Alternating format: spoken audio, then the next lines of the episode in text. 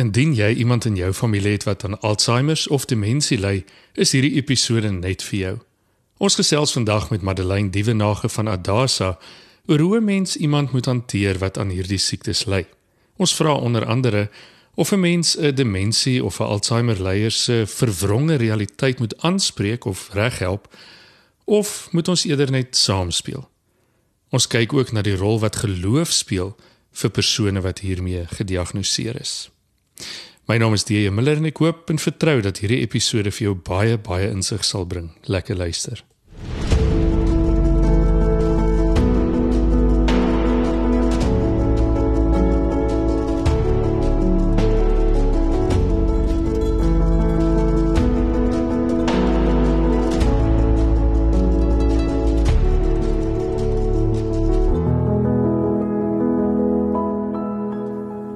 Baie bevoorreg dat Madeleine Dievenage vandag saam met ons kuier en sy het 'n groot liefde en 'n passie vir mense wat met Alzheimer of demensie gediagnoseer is.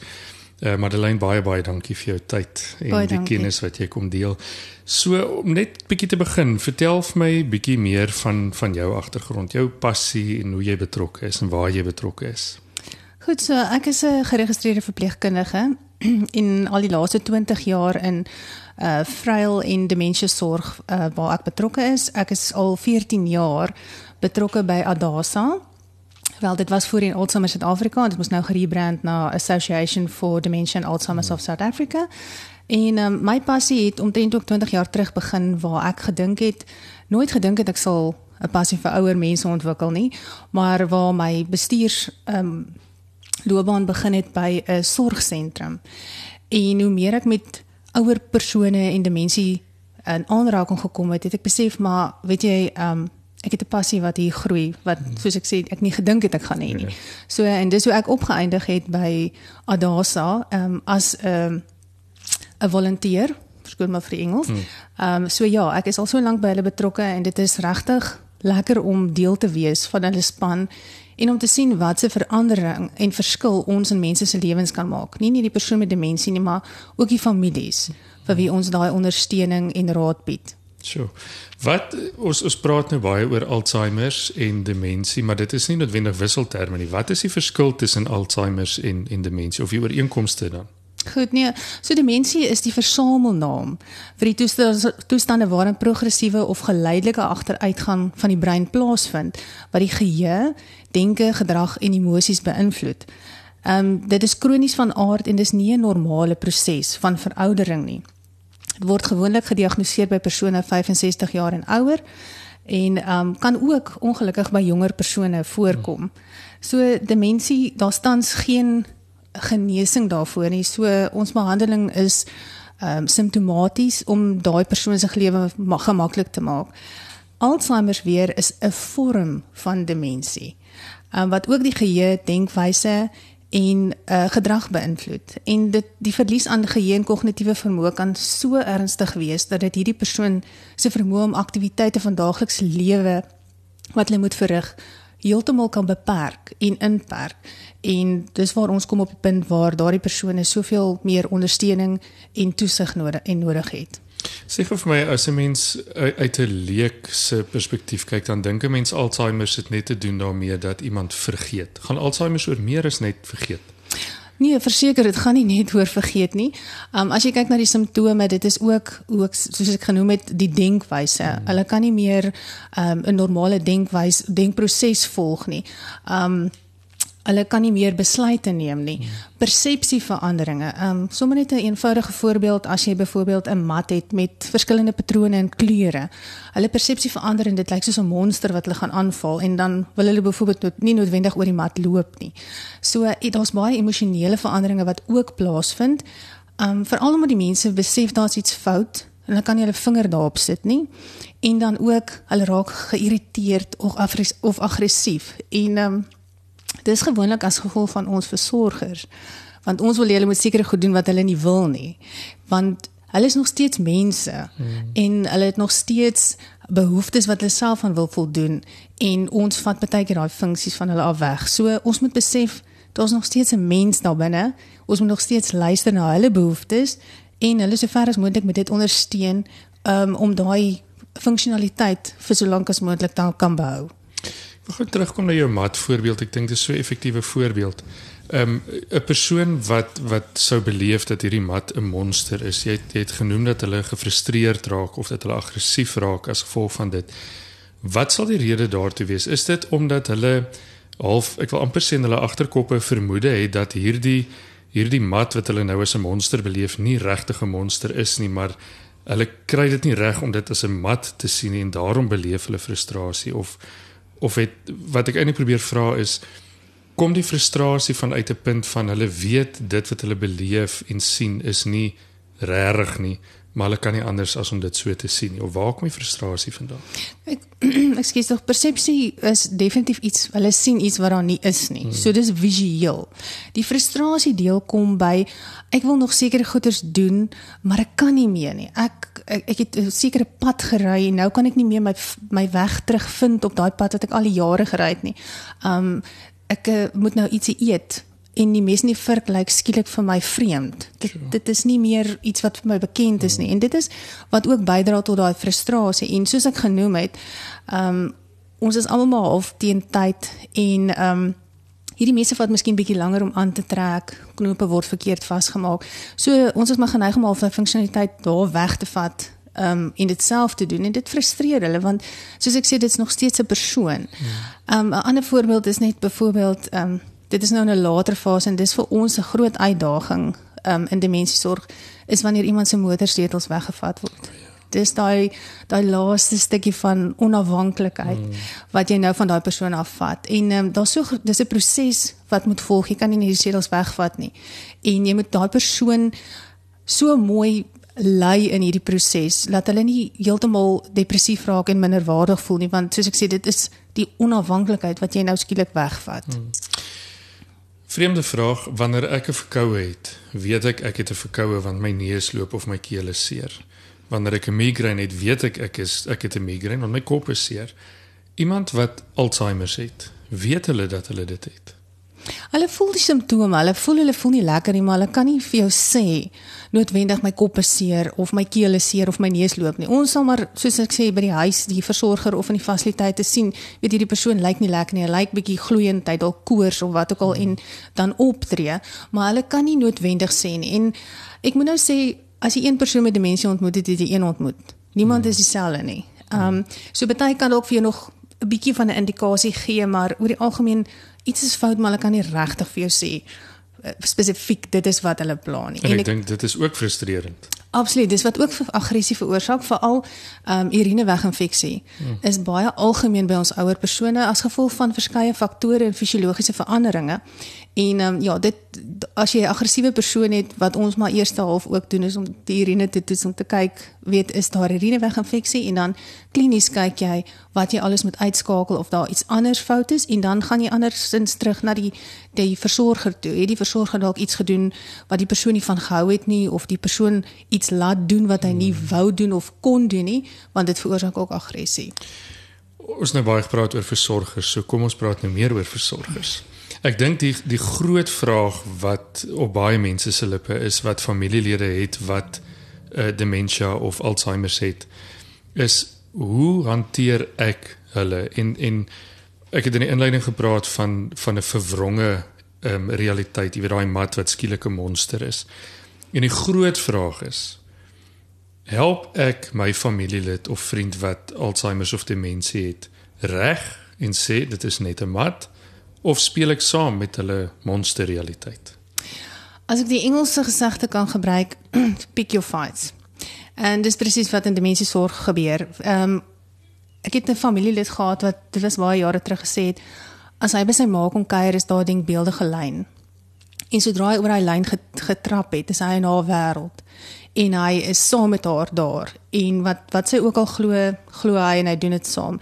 So dit is baie moeilik. Jy kan nie mense met demensie net altyd reghelp nie. Dit veroorsaak onnodige konflik en onthou dis hulle realiteit. Ehm um, jy kan nie met hulle stry oor hulle realiteit nie want dit is wat hulle in glo. En meeste van die tyd speel jy maar saam en sê ja, weet jy wat? Sonder nie sê dis 'n monster nie, maar kom ons loop dan maar om die mat of hmm vat die mat weg. So dis hoekom ons ook baie raad gee oor die uitleg van die huis en matte en al sulke goed wat jy insit, vloer oppervlaktes en so voort. Maar ehm um, nee, definitief gaan jy 'n groot bekleierery op tou sit as jy die hele tyd iemand reg help. En onthou daai persoon het ook nog waardigheid. So ehm um, dit is vir ons almal half minderwaardig as iemand jou die hele tyd reg help hmm. oor goed. So speel saam.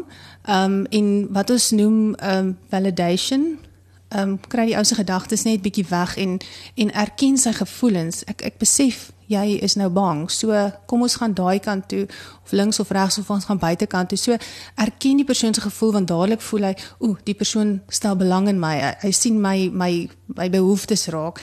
Ehm um, so dis baie belangrik ook dat ons dit met ons met ons mense met demensie doen dat hulle nog steeds waardig voel. En dan natuurlik 'n uh, baie groot ding is moenie beloftes maak wat jy nie kan nakom nie. Mm.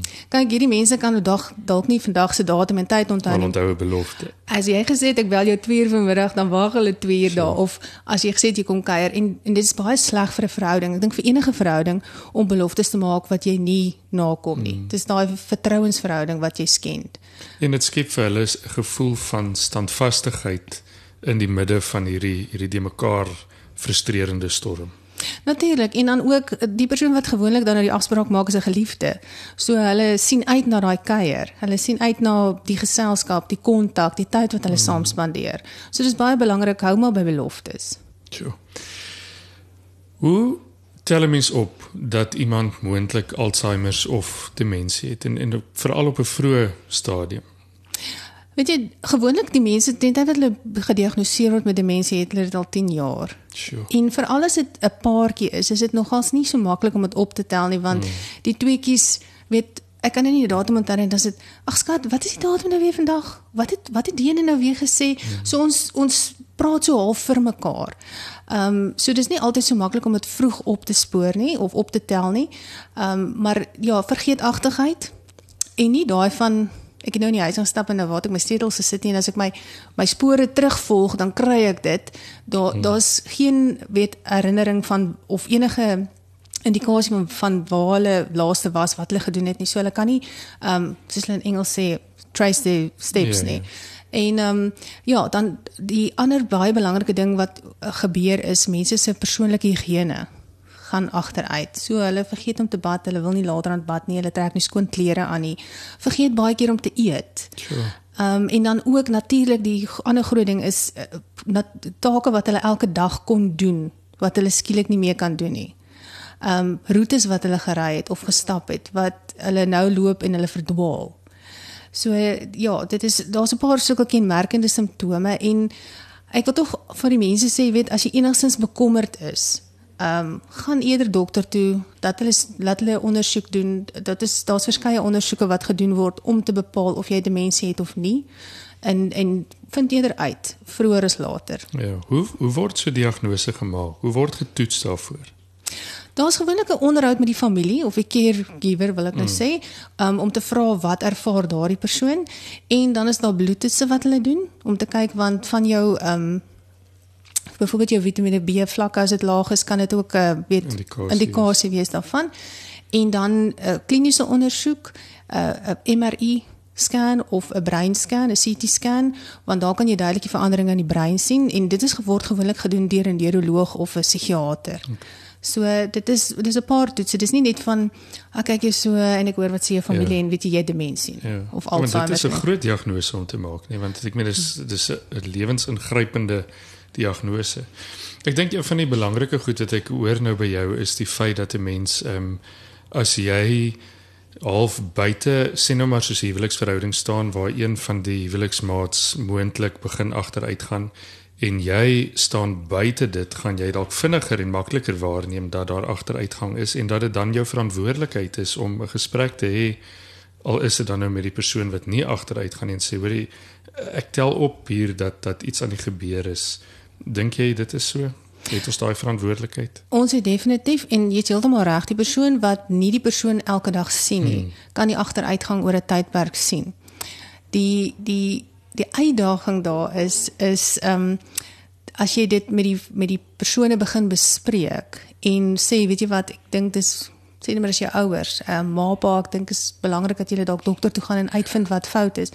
Om daai gesprek te doen is moeilik as as as 'n kind van die ouers en ehm um, dan denial mm. van die van die man of vrou. Nee man, pappa het net nou vergeet en nee, dis nie so erg nie. Dit is en dit is presies wat jy sê, dit gaan oor die diagnose. Ehm um, mense is bang vir die diagnose mm. en die stigma wat wat saam met die diagnose kom.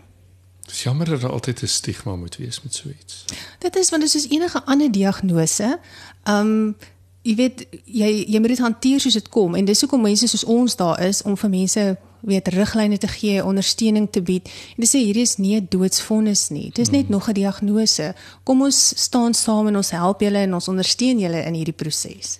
As mens byvoorbeeld kyk na die die depressie diagnose, ek meen dis dieselfde tipe ding wat daar gebeur. As mens dink wanneer iemand gediagnoseer word met depressie, ehm um, weet verander hulle in hierdie hierdie donker mens, maar dit is eintlik net 'n 'n diagnose soos 'n uh, hoë bloeddruk of soos 'n kanker of ek meen dit is 'n fisiese siekte. Ek het nou nie al die mediese taal om dit meer te beskryf nie, maar ek was vir 'n laaste vraag, die fokus 'n bietjie skuif na geloof toe. Ehm um, hoe nee, kom ons vra so watter rol speel geloof in mense wat aan Alzheimer of demensie ly se lewens? Wat wat jy waarneem? As ek vir jou kan sê uit ondervinding dit is iets wat in ons fondasie is. In ons grootwordjare, dis hoe ons groot geword het. En persone met demensie kan nie noodwendig hulle behoeftes verbaliseer nie. So ek kan nie sê, weet jy wat, ek het 'n behoefte vandag om met iemand te praat of ek het 'n behoefte dat iemand vir my moet bid. Ehm um, hulle kan nie dit sê nie. So ons moet 'n ruimte skep waar dit kan plaasvind. Het dit by die huis is of in 'n fasiliteit. En ek het al met van die mense wat demensie het, het ek 'n dame gehad wat dit was vir haar ek het ek het haar geloof beleef ten spyte van haar demensie kon jy haar haar nabyheid en haar verhouding met die Here sien. Ehm um, dit het uit haar gestraal en weet dit het definitief die versorgers ook geraak, geraak. Maar dit is nie almal nie en dit is ook dis hoekom ek sê elkeen is so uniek en individueel en ervaar dit anders. Maar daar's definitief 'n belangrikheid dat daai mense ek wil amper sê rustiger is in sekere fases hmm. van van die siekte of of fases waar hulle is in hulle lewens omdat hulle gegrond is en hulle weet weet daar's iets om aan vas te hou. Ehm um, daar's iemand om aan vas te hou want dit is dit is hoe ons is. Dit of dis hoe hulle groot geword het met hulle geloof. Raai iemand met 'n hoofletter U. Ja. Sê gou vir my so laaste woord van jou kant af. As jy vandag vir iemand kan bemoedig wat 'n familielid het wat met demensie of Alzheimer se diagnoseer is. Hoe sal jy hulle bemoedig? Ek wil hê mense moet besef hulle moet nie bang wees om te sê daar's 'n diagnose nie en moenie bang wees om uit te reik vir hulp nie. Hmm. Ons dis dis soos ek sê organisasies soos ons wat daar is wat ons wil graag hierdie mense help en ondersteun ons loop die pad saam met hulle. Hulle is verseker nie alleen nie en ek dink dit is dalk die boodskap. Jy is nie alleen nie. Daar is mense wat wat jou kan help en ondersteun. Ja. Ons het geluister uh, na Madeleine Dievenage wat met ons gedeel het rondom hoe mens iemand hanteer wat met Alzheimer of demensie gediagnoseer is.